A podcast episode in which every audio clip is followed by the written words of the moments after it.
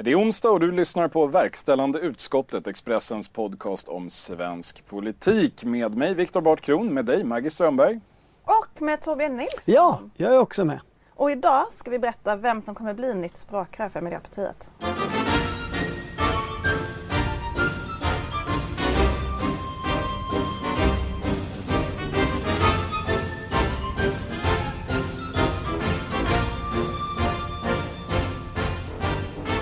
Ja, hörni, eh, det är ju några veckor sedan eh, Isabella Lövin eh, annonserade att hon skulle sluta som språkrör. Jag tänkte att vi borde reda ut vem det blir. Så slipper Miljöpartiet en lång intern komplicerad process och, och, och alla kan bara gå vidare. Framförallt slipper vi en massa felaktiga spekulationer i andra medier. Ja, Vi har ju Maggie Strömberg. vi har ju det. Så Maggie, allra först undrar vi, vad är det för krav som ställs på en ny miljöpartiledare? Eller rätt sagt, vad är, vad, är, vad är efterfrågan i partiet? Vad vill partiet ha för ett språkrör? Båda språkrören som nu har suttit, Per Bolund och Isabella Lövin, har ju problemet att de har väldigt låga förtroendesiffror även bland de egna väljarna. Det är ju eh, en sak.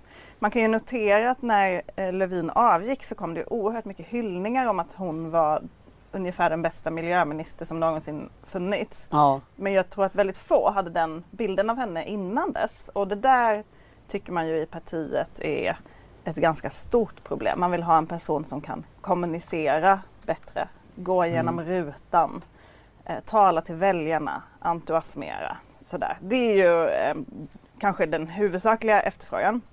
Sen finns det ju ett, ett, eh, en stark känsla i nästan hela partiet att man behöver vara kaxigare mot Socialdemokraterna, att man behöver stå upp tydligare för den egna politiken.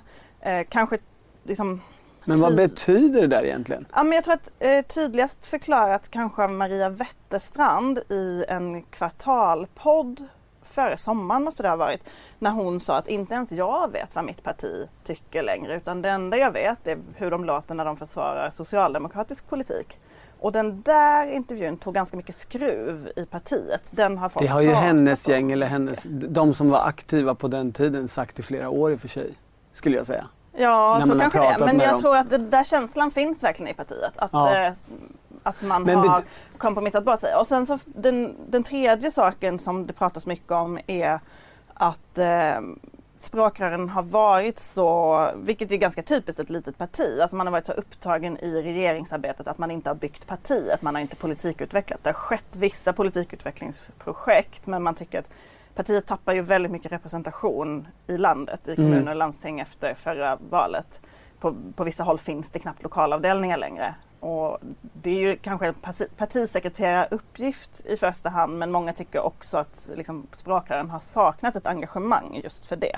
Men den här andra punkten, eh, friare mot, eller hårdare mot Socialdemokraterna, betyder att man letar efter en person som kan ta partiet ut ur regeringen?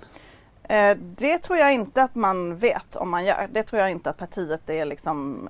Det, det är en, en process som pågår i partiet nu och som man inte har landat i tror jag. Men det finns absolut en sån efterfrågan. Eh, att, att bland vissa. Sen finns det ju de som absolut inte vill det. Eh, och var det kommer landa, det kommer väl också utkristallisera sig i det här språkrörsvalet. Ja precis, vore det inte en poäng att reda ut en, att de här frågorna åtminstone tillsammans så man inte råkar välja ett språkrör och sen kommer man på veckan efter att man vill göra något annat kommer, i central riktningsförändring än vad det språkröret det kommer högst för. troligt vara en stor del. Jag tänker lite grann på hur Liberalerna gjorde. Som klubbade en inriktning först och sen valde sin partiledare som ville ha en annan inriktning och nu vet ingen vart de har gått de senaste två åren.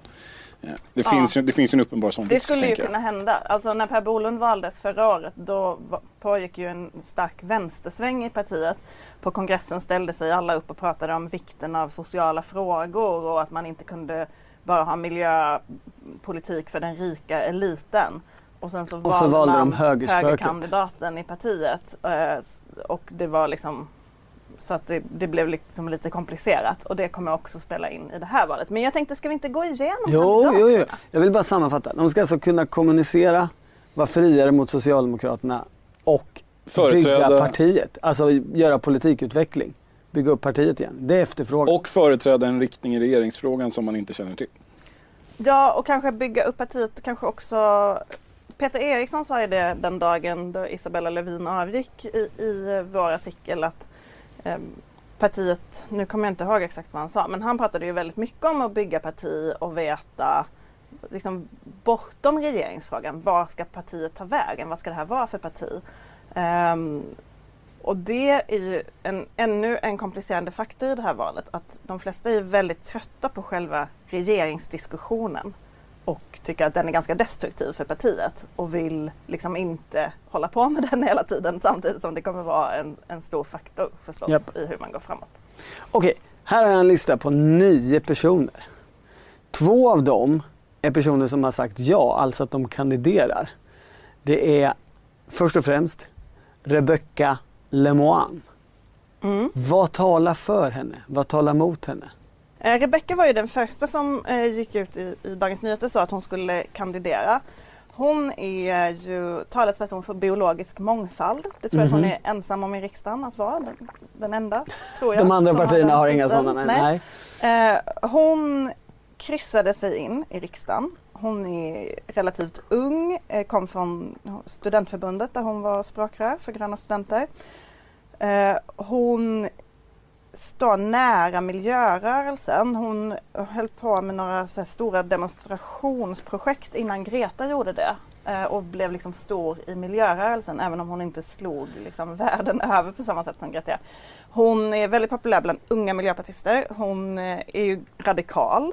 Hon talar mycket om att eh, partiet behöver vara mer systemkritiskt. Hon tycker att det kvinnliga språkröret ska inte sitta Tycker hon att, att, klimat och miljö självklart är viktigare än migration? Ja, Eftersom det, skulle det förekommer jag säga. Hon är, ju, hon är biolog, hon är, liksom, hon är absolut en, en miljöperson. Sen tror jag inte hon tycker migration är oviktigt, men hon är absolut en, en miljöperson. Hon, eh, när hon kom in i riksdagen, det var ju nu, eh, den här mandatperioden, då ju, då var det med viss bävan i resten av partiet eftersom hon har en relation med Carl Schlüter. Um, och det är ju sexistiskt att prata om eh, kvinnliga politiker och vem de är ihop med. Men det spelar ändå roll. Carl Schlüter är alltså den eviga renegaten i Miljöpartiet. Han som har varit internkritiker. Åtminstone de senaste tio åren. Ja, alltså efter Birger Schlaug. Ja, precis, ja, han tog väl över manteln som den stora ja, och internkritikern och lämnade till sist. Ja, och, förra, och startade ett nytt parti som han nog också har lämnat nu för nu jobbar han på mm. Greenpeace. Men förra mandatperioden så eh, Eh, ledde ju han den här utbrytargruppen i riksdagsgruppen Eh, de som till slut inte gick på gruppmötena och röstade mot partilinjen flera gånger. Sådär. Och det var ju en så himla stor konflikt i Miljöpartiet förra mandatperioden och liksom åt upp väldigt mycket kraft och energi i partiet. Och många var rädda för att eh, Rebecka skulle liksom föra vidare det arvet. Det har hon inte gjort. Alla talar väldigt väl om henne och tycker att liksom, mm. samarbetet med henne fungerat jättebra i riksdagsgruppen. För alldeles oavsett deras relation så, så har ju, alltså senaste tio åren så har det ju alltid liksom funnits en grupp fundisar som ledningen har liksom fnyst åt eller helst velat bli av med, ignorerat och ja. sådär. Eh, och då tänker man lite att, är det inte likadant nu? Jo. Att hon får vara med som något slags radikalt alibi i riksdagen men, men helst ja, inte något mer än så. Ja, får vara med. Hon kryssade ju som sagt sig in och, och, var en av fem riksdagsledamöter Sant. som gjorde det. Och mm. det säger någonting om hennes förmåga att kommunicera tror jag. Sen är mm. hon liksom oprövad i större sammanhang men, men eh, Ja, men som sagt väldigt populär bland de unga, bra på att nå ut, har ju lyckats bygga sig en egen väljarbas som var tillräckligt Kommer det bli hon?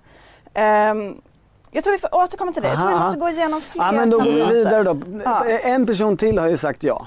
Annika Hirvonen. Ja. Gruppledaren. Hon är gruppledare men kanske mest känd som den som driver, eh, leder Miljöpartiet i migrationskommittén mm. och har tagit eh, liksom, de offentliga striderna i migrationsförhandlingarna. Egentligen är det ju Rasmus Ling som är talesperson för migration men han är föräldraledig och då fick Annika Hirvonen det jobbet lite för att man visste att hon var en stridbar person som kunde liksom stå pall. Så de som har sagt blåsa. ja är en superradikal miljöperson och en superradikal migrationsperson? Eh, ja, det kan man säga. Eh, Annika Hevenen är också eh, ung, född 89 tror jag. Har varit eh, oppositionsråd i Sundbyberg innan hon har ju en tung position i riksdagsgruppen visserligen men annars kanske inte haft så jättemånga tunga poster tidigare internt i partiet sådär. Hon eh, anses av vissa också vara ganska radikal, alltså med på liksom, vad ska man säga, fundissidan. Samtidigt så har hon liksom inte riktigt eh, haft den rollen i i ehm, partiet nu och i riksdagsgruppen nu. Men när man pratar med folk, vissa säger så här, nej men hon kan ju inte bli vald. Hon, hon har ju gått barfota på kongresserna, vilket i Miljöpartiet är ett varningstecken. Mm. Eh, men, eh, men, ja, men hon är, liksom, hon är ju mindre liksom systemkritisk radikal än Rebecka men fortfarande ganska eh, radikal. Hon pratar ju väldigt öppet nu om att lämna regeringen till exempel. Okej, okay, vad talar för och vad talar emot? Eh, tala för tror jag är att många tycker att hon har skött migrationsfrågan väldigt väl. Hon visar på den här kaxigheten. Man tycker att hon kan nå ut. Eh, och eh, ja, det som talar emot är väl att hon är relativt oprövad och frågan om hon faktiskt kan kommunicera tillräckligt bra och få upp partiets siffror. Eh, sen har vi tre stycken kandidater som har sagt nej, att de inte ställer upp. Alice Bakunke, Amanda Lind, Maria Färm. Ska man tänka på dem ändå? Alice Bakunke är ju fortfarande personen som väldigt många drömmer om. Hon anses ju ha liksom, star quality och vara den som kan nå ut till väljarna. Det som man väl allra, många liksom förespråkar mest av allt. Eh, hon har ju sagt väldigt, ett väldigt tydligt nej och gjorde det snabbt. Många försöker övertala henne men när jag pratar med folk om det så säger de att känslan man får är att hon vill inte regera med Socialdemokraterna. Alltså hon har svårt i samarbetet med Socialdemokraterna och det kan man ju se vissa tecken på om man följer henne på sociala medier till exempel. Hon skulle få väldigt svårt att med trovärdighet regera med Socialdemokraterna efter att gång på gång ha anklagat dem för att eh, förbruna Sverige och liknande. Men då kanske hon går och väntar på, som Viktor var inne på, att liksom partiet ska ta sig till eh, liksom fast mark i frågan om de ska hålla på med socialdemokrater eller inte. Ja. Så ska hon, kommer hon in från sidan där och säger mm. jag är lösningen på era problem nu. Ja så kan det ju vara. Alltså kandidaterna ska ju, eh, det är inte så lång tid kvar sådär. Kandidaterna ska ju strax eh, eh, liksom presenteras. Men samtidigt så är det Miljöpartiet och jag tror väl fortfarande att det är så att man kan anmäla sig samma dag liksom, som på kongressen och gå upp Det måste väl funka. Amanda Lind då? Eh, Amanda Lind, kulturministern, också liksom en person som har fått visst medialt genomslag. Hon har ju sagt nej på grund av sitt, sin, sitt barn som är typ ett år och det tror jag det är ett nej. Ja. Maria Färm, statssekreteraren. Hon som gör allt i regeringskansliet men aldrig syns. Ja, det intressanta med Maria Färm är, hon sa ju nej till oss eh, och då sa När hon... vi frågade om språkrörsrollen alltså, inte ja, försökte inte rekrytera henne till Expressen. Eh, då använde hon uttrycket jag har inga planer på att kandidera och sen såg jag att hon använde det uttrycket överallt. Hon hade, liksom en, hon hade förberett en mening som hon sa. Misstänkt. Maria, Maria Färm är ju statssekreterare i regeringskansliet, sitter väl i denna stund i slutet på budgetförhandlingarna och grejen med Miljöpartiets olika maktfördelningsregler är att man kan inte kandidera till språkrör och vara anställd eh, politiskt i regeringskansliet. Men hon måste säga upp sig först? Hon måste vara tjänstledig. Aha, så skulle hon kandidera nu så skulle hon inte kunna budgetförhandla. Vilket gör att det personen vars nej kanske inte står sig om några veckor. Ah, skulle förstår. jag tippa på. Men jag vet inte. Samtidigt säger många att hon inte vill. Så vi får väl se. Utöver det finns det här. en kanske-personer. Ja, precis. Mm. Alltså de är hur många som helst i det här partiet. Mm. Det är ju ofta så i Miljöpartiet att det är många som kandiderar. Det är ju ganska kul. Men Åsa Lindhagen, kan hon bli språkrör till exempel? Åsa Lindhagen är ju jämställdhetsminister. Hon har kanske inte gjort jättestarkt avtryck som minister Eh, min, min starkaste bild av henne är fortfarande dagen hon tillträdde då hon fick den här frågan av Aftonbladets Per Karlsson. Och en fråga som ställs i de här sammanhangen är alltid, har du några lik i garderoben du har fått berätta för eh, statsministern om? Nej, eh, det har jag inte. Nej. Inga alls? Nej, all right. Tack så mycket. Fint det som talar för Åsa Lindhagen om hon skulle kandidera, hon har ju sagt att hon funderar, det är att hon har en väldigt tydlig social profil. Hon har varit socialborgarråd i Stockholm. Mm. Samtidigt så är det precis det som kommer hållas emot henne för hon är från Stockholm precis som Per Bolund. Partiet vill inte ha bara en massa stockholmare i ledningen. Nästa person. Märta Stenevi. Ja, partisekreteraren. Hårdlanserad genom Expressen som den som Din kommer favorit ta får man över. säga.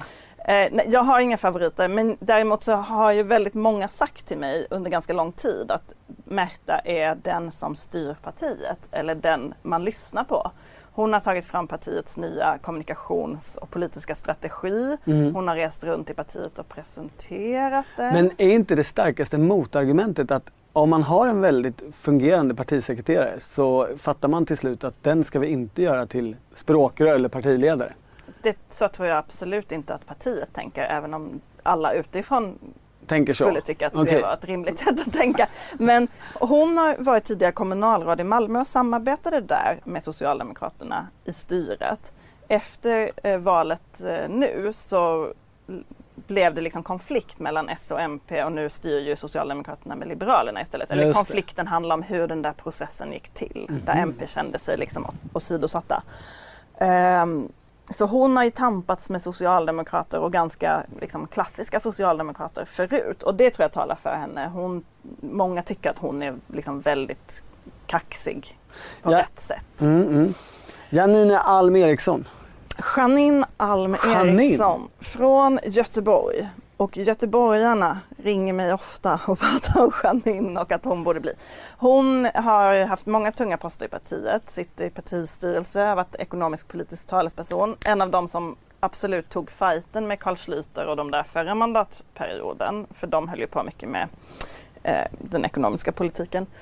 Eh, hon beskrivs som vad ska man säga, den mest, liksom, om det ska komma en pragmatisk kandidat, om det ska bli en pragmatiker mot en liksom, mer ideologisk eller snarare kanske en vill absolut sitta i regering mot vill vara mycket, mycket bråkigare så Mm. kommer hon vara den kandidaten. Hon är Stefan Löfvens bästa vän. Ja, jag tror att hon möjligen är Stefan Löfvens bästa vän. Hon är den som skulle driva regeringsfrågan hårdast tror jag. Ja. Och nionde namnet på vår lista är Carolina Skog.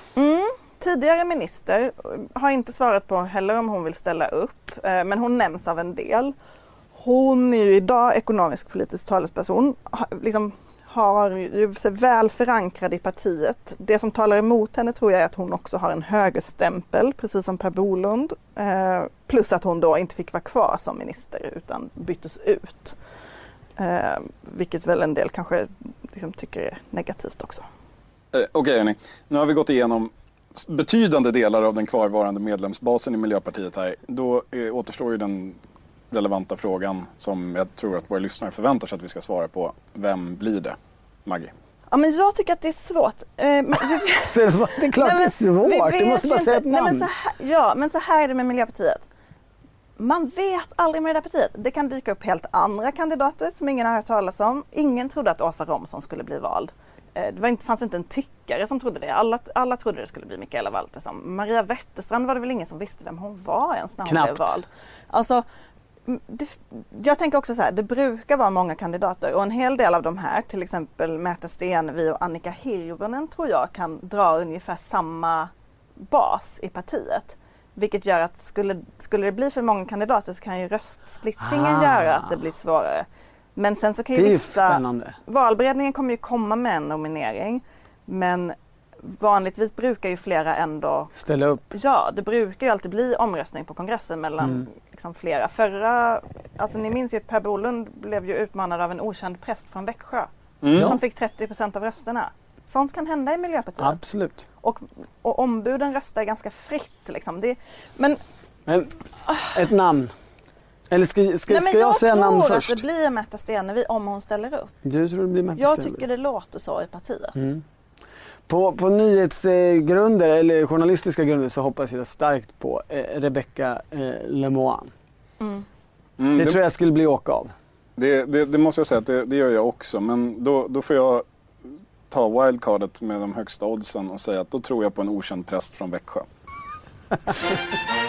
Verkställande utskottet är som ni vet en podd från Expressens politikredaktion och eh, vi gör ju en hel del mer än bara den här podden tror det eller ej.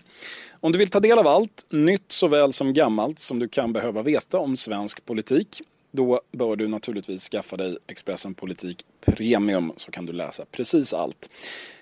Det bästa sättet att göra det är att ta del av det fantastiska erbjudande som vi har till dig som lyssnar på verkställande utskottet. Gå in på expressen.se expressenpolitik så kan du signa upp dig för att bara betala 29 kronor i månaden i sex månader. Därefter, om du vill fortsätta, så betalar du 69 kronor i månaden och det är ju faktiskt inga miljoner det heller. Eh, så bli gärna vår eh, trogna följare. Expressen.se Expressenpolitik. Ett riktigt bra erbjudande till dig som lyssnar på VU. Ja, det om Miljöpartiet hörni. Ehm, ett parti som kanske inte har prenumererat på strålkastarljuset så mycket i den här podden eller för den delen någon annanstans, ehm, givet hur det brukar vara, det är ju Sverigedemokraterna. Mm. väldigt eh, undan, undanskymda under sommaren, våren och kanske en bit in på hösten. Men nu har Jimmy Åkesson vaknat. Åkt till Stockholm och börjat föra oväsen. I... Regeringsförhandla? Ja, precis. I en intervju i Dagens Nyheter i fredags, tror jag det var, så eh, meddelade han att han kandiderar till posten som justitieminister. Eller rättare sagt, han konstaterade att justitiedepartementet har ju både migrationsfrågan och eh, lag och ordning. Och där har ju Sverigedemokraterna högt förtroende. Det departementet tar man gärna hand om i en framtida SD-M-KD-regering. Eh, det känns som ett naturligt område för oss att hantera i en sån regeringskonstellation sa Jimmie Åkesson. Mm. Han fick svar, eh, inte direkt, men, men eh, några timmar senare i Ekots lördagsintervju. Du ser inte framför dig att du skulle ta in Sverigedemokraterna i en regering. Varför inte det? Nej, det, det är inte aktuellt överhuvudtaget. Det här var ju lite... Eh, det kom lite från ingenstans och det blev ganska uppmärksammat. Torbjörn, hur, hur, hur seriös bedömer du eh, Jimmie Åkessons eh, ansökan? Nej men den är jag vet inte. Det är otroligt svårt. Det där är ju ett förhandlingsspel och även saker man liksom under lång tid har pratat bakgrund med Sverigedemokrater om i den här frågan är ju del av liksom förhandlingar. Jag uppfattar att under lång tid har man ju sagt att det är inte en realistisk sak. Eh, att sitta i regeringen att, sitta, att sitta i regering. Vi, vi eftersträvar att få starkt inflytande. Titta på vårt grannland Danmark och så vidare. Liksom. Eh, eh, vi är inte där än. Eh, och nu säger Jimmy Åkesson utåt precis tvärtom. Då skulle det kunna vara så att det är hans... Har du också valt att bli egen?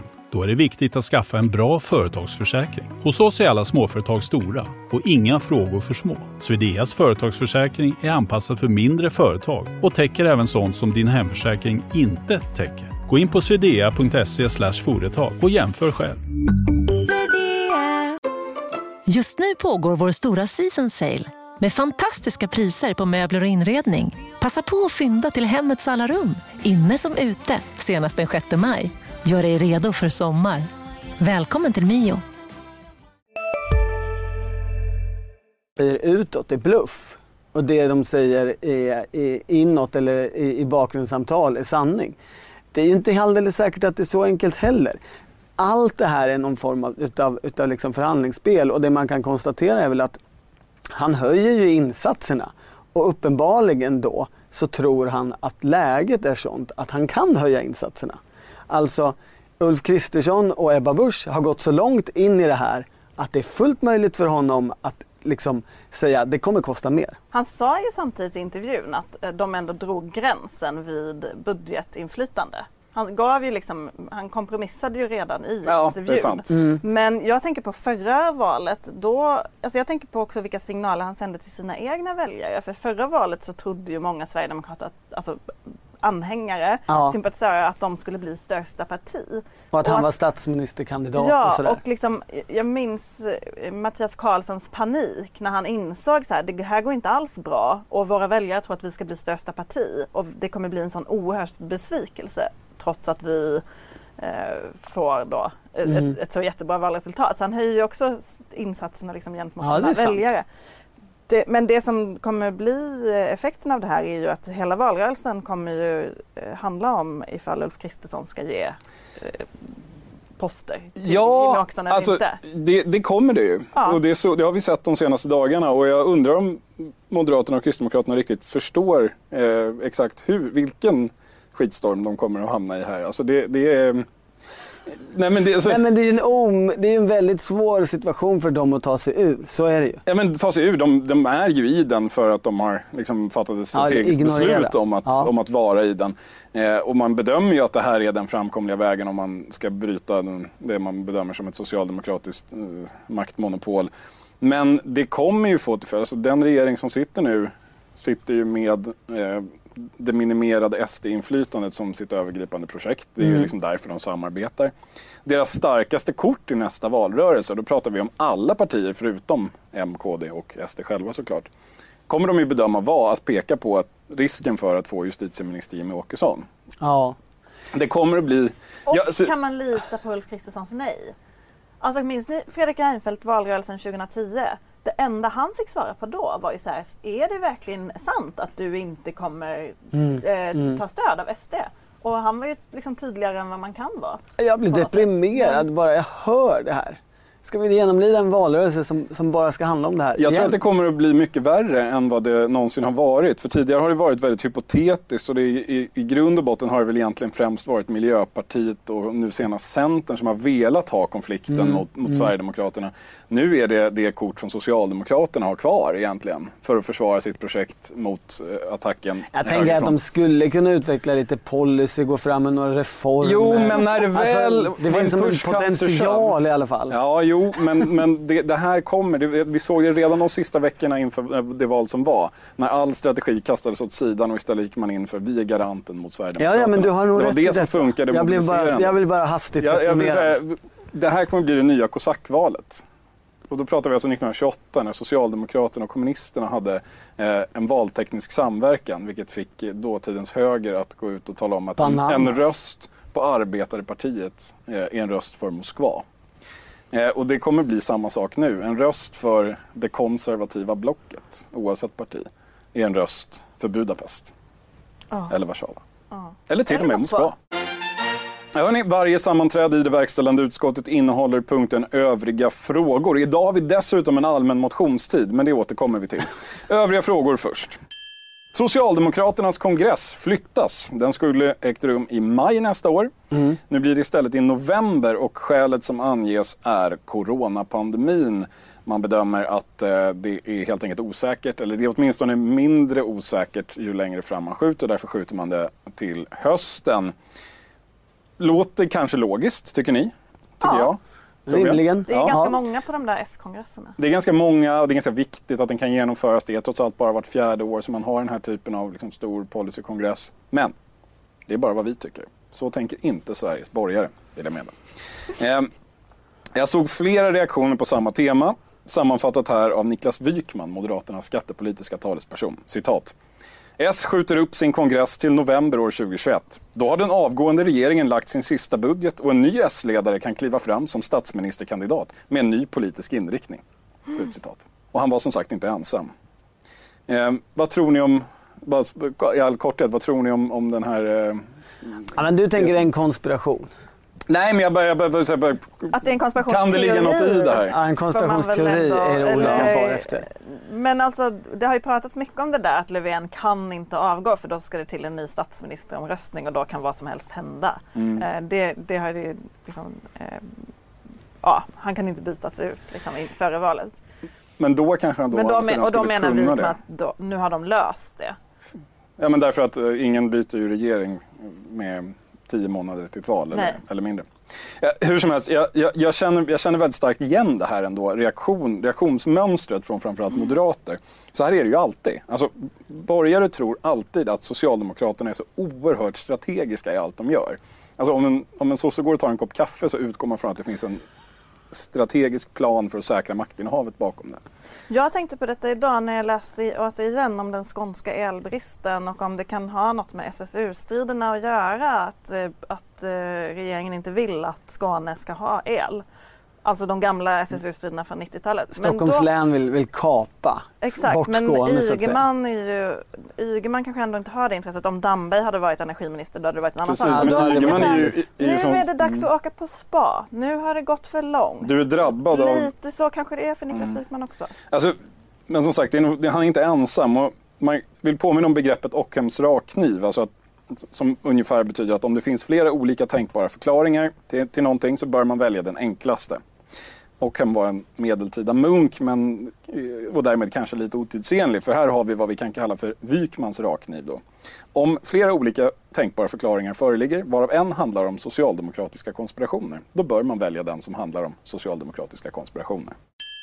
Eh, Torbjörn, du har ju bett att verkställande utskottet också ska införa vignetten Nytt från biblioteket. Absolut, Har du viktigt. läst något i veckan? Jajamensan, det har kommit två stora eh, biografier.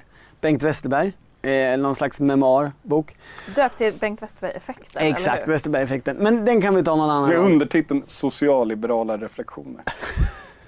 Sen har faktiskt, mycket roligare, förlåt Westerberg, men eh, Per-Ola Pekka Eriksson kommit ut med memoarer. Ni skulle se glittret i Torbjörns ögon nu. Alltså Pekka som man kallar centerpartistisk finanspolitisk, eh, ekonomisk-politisk talesperson och gruppledare i riksdagen under 90-talet.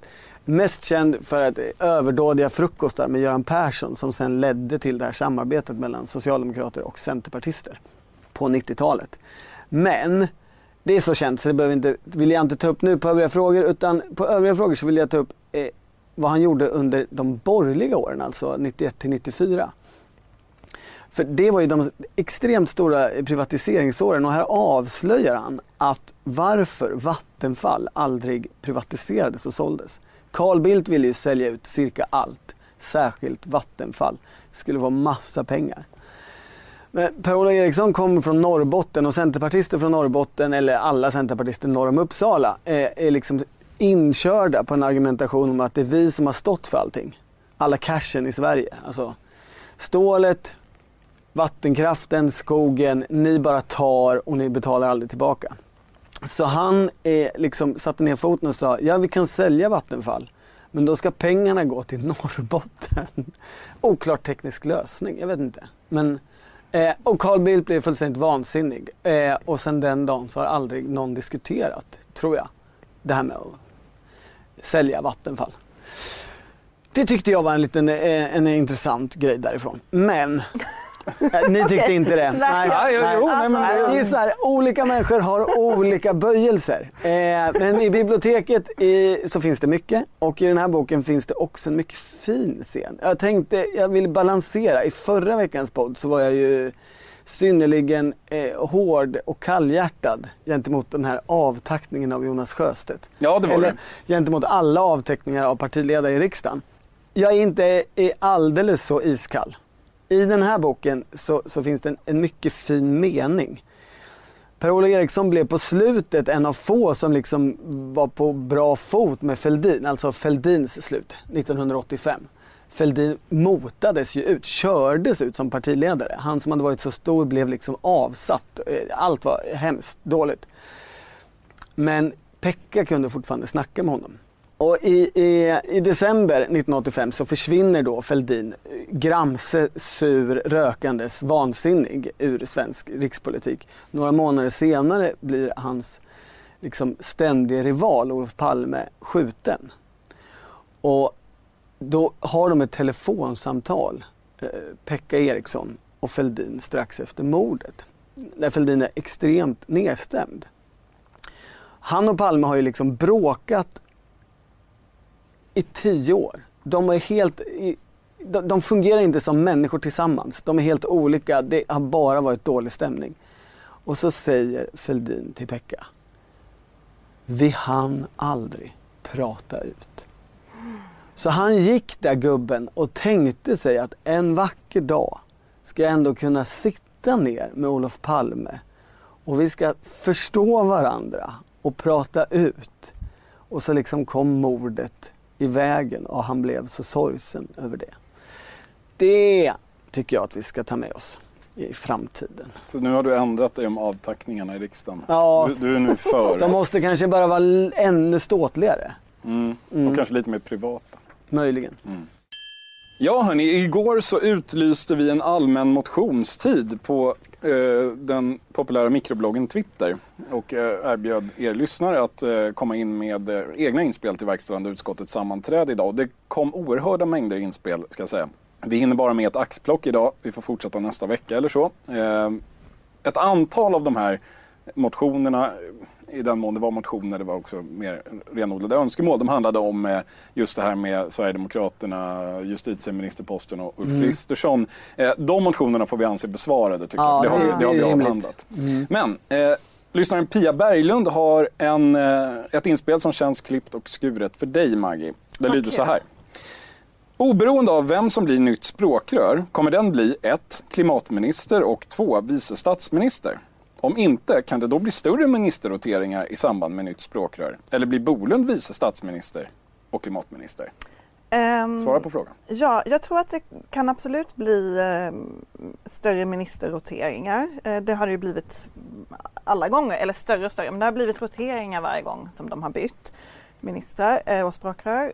Eh, jag tycker, jag har en tanke om hur Miljöpartiet ska göra Låt höra. detta.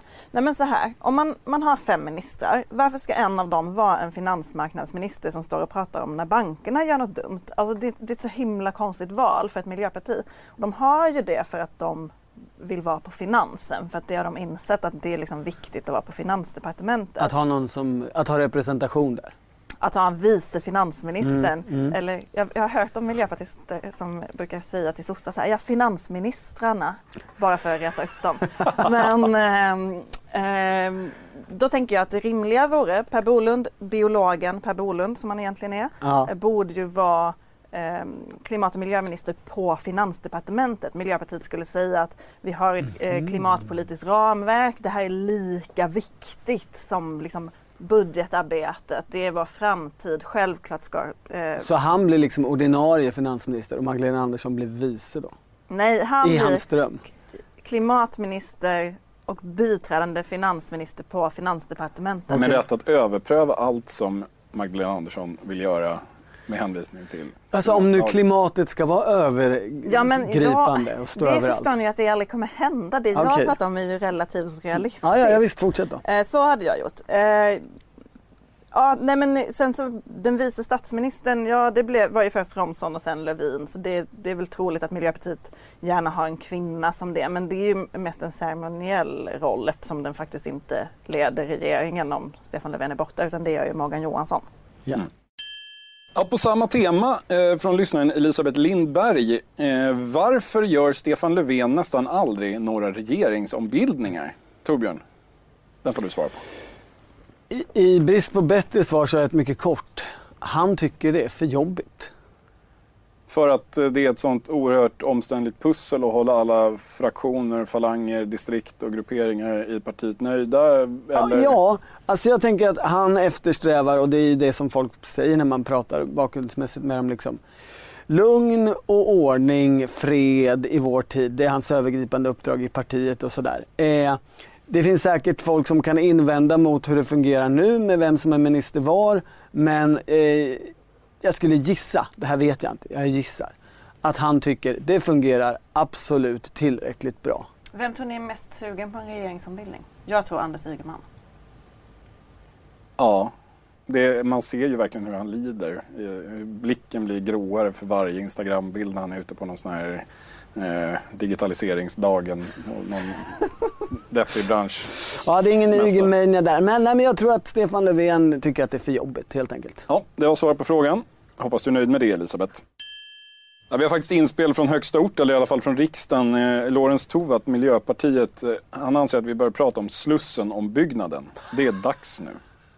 Nej, Okej, Lorentz, det är det inte. Jag ägnade fem år av mitt yrkesliv åt att bevaka den på DNs Stockholmsredaktion och sen känns det som att jag ägnat fem år åt att genomleva ombyggnaden Eh, i fråga och fler lär det ju bli. Tack så mycket, det räcker så. Eh, det finns ju för sig en hel del roligt att säga relaterat till just Miljöpartiet vad gäller Slussenombyggnaden. Till exempel hur deras Stockholmsavdelning eh, som då har levererat språkrör och språkrörskandidater havererade fullständigt och valde Daniel Heldén, nuvarande borgarrådet, enkom för att han var mot ombyggnaden av Slussen. Det var slagsmål på det avgörande mötet. Eh, Emilia Hagberg, tidigare eh, up and coming i Maria Wetterstrands efterföljd, försvann ur politiken. Hon skulle väljas, blev bortsopad till förmån för Slussen-fundamentalisternas Daniel Heldén. Han blev vald. Slussen-ombyggnaden gick vidare. Daniel Heldén har aldrig pratat om Slussen efter det. Han tog makten eh, med Slussen som språngbräda och nu står han där och klipper band. Så, På eh, Guldbron. med Alliansen. Ja, visst, det är med. Men så jag menar, Daniel Heldén är ju någonstans eh, en... Och hela Slussen-projektet är någon slags liksom, indikator på att när Miljöpartiet ser riktigt fundamentalistiska ut så lurar det alltid en maktstrategisk pragmatiker i vassen. Det talar för Rebecca Lemoine. Precis, hon tar det, Jag sa ju det. blir biträdande, blir finansmarknadsminister och... Eh, klipper band på Prem. Ja, Frida Magnusson, en annan lyssnare, hon eh, frågar apropå Bengt Westerberg, vi nämnde hans biografi här. I Mm. den så... Eh, Har hon läst den alltså? Nej, men hon hade sett en intervju med Ah, honom ja, jag om den. Jag har läst den. Eh, Mm. Och eh, i den så, så ja, det, ingen är förvånad Torbjörn. I den så förespråkar han, så vitt eh, hon förstår, så vitt jag förstår, att eh, Centern och Liberalerna, klassisk fråga i svensk politik, kanske ska, eller borde, gå ihop och bilda ett parti. Och hennes fråga är då inte om det här vore en bra idé eller genomförbart, utan vad partiet i så fall skulle heta. Ska vi, vi hon eh, är bekännande centerpartist då Frida, eh, ska vi heta Liberala Centern eller Centerliberalerna? Jag tycker inte vi bör begränsa oss där. Eh, vad säger ni? Va, va, vad skulle en sån partibildning lämpligen heta? Ja men man känner ju, gud nu svarar jag inte på din fråga, men man känner ju efter Inte min, det är Fridas. Fridas. Förlåt Frida, men efter att ha sett den där pressträffen med Annie Lööf och Nyamko så känner man ju att Annie Lööf skulle ju fullkomligt äta upp Nyamko Sabuni. Alltså Liberalerna skulle ju inte finnas. Det skulle ju vara Liberala Centern och det skulle ju, eh, liksom, det är ju vad Annie Lööf kallar partiet redan typ. Så att, ja, Jag minns inte den där gången i början av 70-talet när det här var aktuellt. Jag minns inte vad man landade i namnfrågan då. Ja, det hette ju Folkpartiet. Men jag minns inte om man hade något kompromissförslag. Det, det är självklart att det kommer heta Centerpartiet, punkt. Ja, det är väl där. Alltså jag menar den här, den här i föreningen av, av blandade tidningsmänniskor som, som eh, har några procent i, i riksdagen. Den, den kommer ju bara försvinna om det här händer. Ja, alltså det finns ju såklart mer intressanta namnförslag. Man skulle kunna tänka sig Centrala Folkpartiet eller liknande. Men, men, men jag är nog mer på, på Torbjörns linje där. Alltså om, den här, om eller när den här partisammanslagningen sker så sker den ju genom att resterna av eh, The Artist formerly known as Folkpartiet uppgår i eh, personkulten kring Annie Lööf och kallas Centerpartiet. Men Eh, bönderna och folket då? Men vi, i förra, i förra Du- podden så du tänker att de ska konstaterade heta det? Nej men så bondeförbundet plus Folkpartiet, alltså att man på något Ja, sätt du tänker gör så. liksom... Men Torbjörn slog ju fast förra veckan att, att Centern inte längre är ett bondeparti utan att det är ett skogsägarparti. Skogen och folket. Skogen och folket. Skogsfolket. Otroligt bra. Skogsfolket. Otroligt bra. Ja. Mattias Karlsson, Sverigedemokraten, skulle ju gilla det Skogen, namnet. folket och blodet. Eh, det- Han kanske skulle lägga till det, jag vet inte.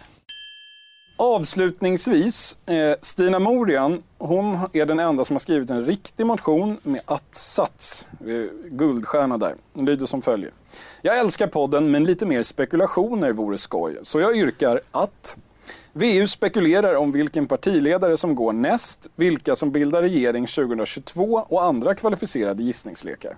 Det här får ju bli all, all, all hast. Ehm, och vi tar de, de spekulationer som hon uttryckligen kräver. Då. Vilken partiledare som går näst, vilka som bildar regering 2022. Eh, Maggie. Eh, partiledare, eh, jag tror att Jimmy Åkesson är den som vill sluta mest men han kommer nog stanna över valet. Jonas Sjöstedt. Ha, så fuskigt svar. Det, det godkänns inte. Nej. Men, eh. Eh, nej men eh, då, jag, då säger jag Nyamko Sabuni. Och vilka bildar regering 2022? Jag tror på eh, faktiskt eh, eh, Stefan Löfvens hattrick, alltså en ren S-regering. Efter att ha liksom fått, då blir det tredje och det blir något helt annat än vad han har haft tidigare. Eh, regeringstrollkaren liksom lyckas till slut få en ren S-regering, tredje mandatperioden. Torbjörn? Det, det är en jättebra spekulation. Så bra så att jag nästan vill stryka mina tankar. Men jag tror, jag tror att Stefan Löfven är nästa partiledare att sluta. Och följaktligen eftersom jag jag tror att Stefan Löfven slutar så tror jag att det blir lite kämpigt för Stefan Löfven att, bilda regering. Och kanske för en socialdemokratisk efterträdare också. Eh, Då måste jag ta in så många olika liksom, händelseförlopp i alla fall på vägen dit. Så jag säger att Ulf Kristersson eh, bildar regering.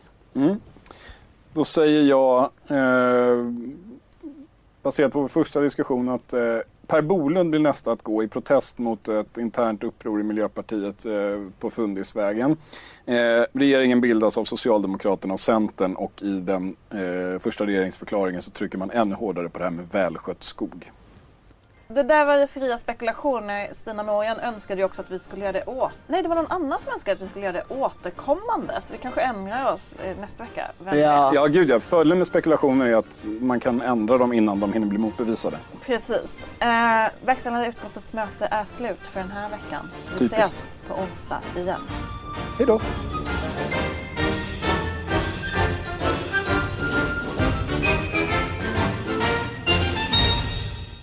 Du har lyssnat på en podcast från Expressen.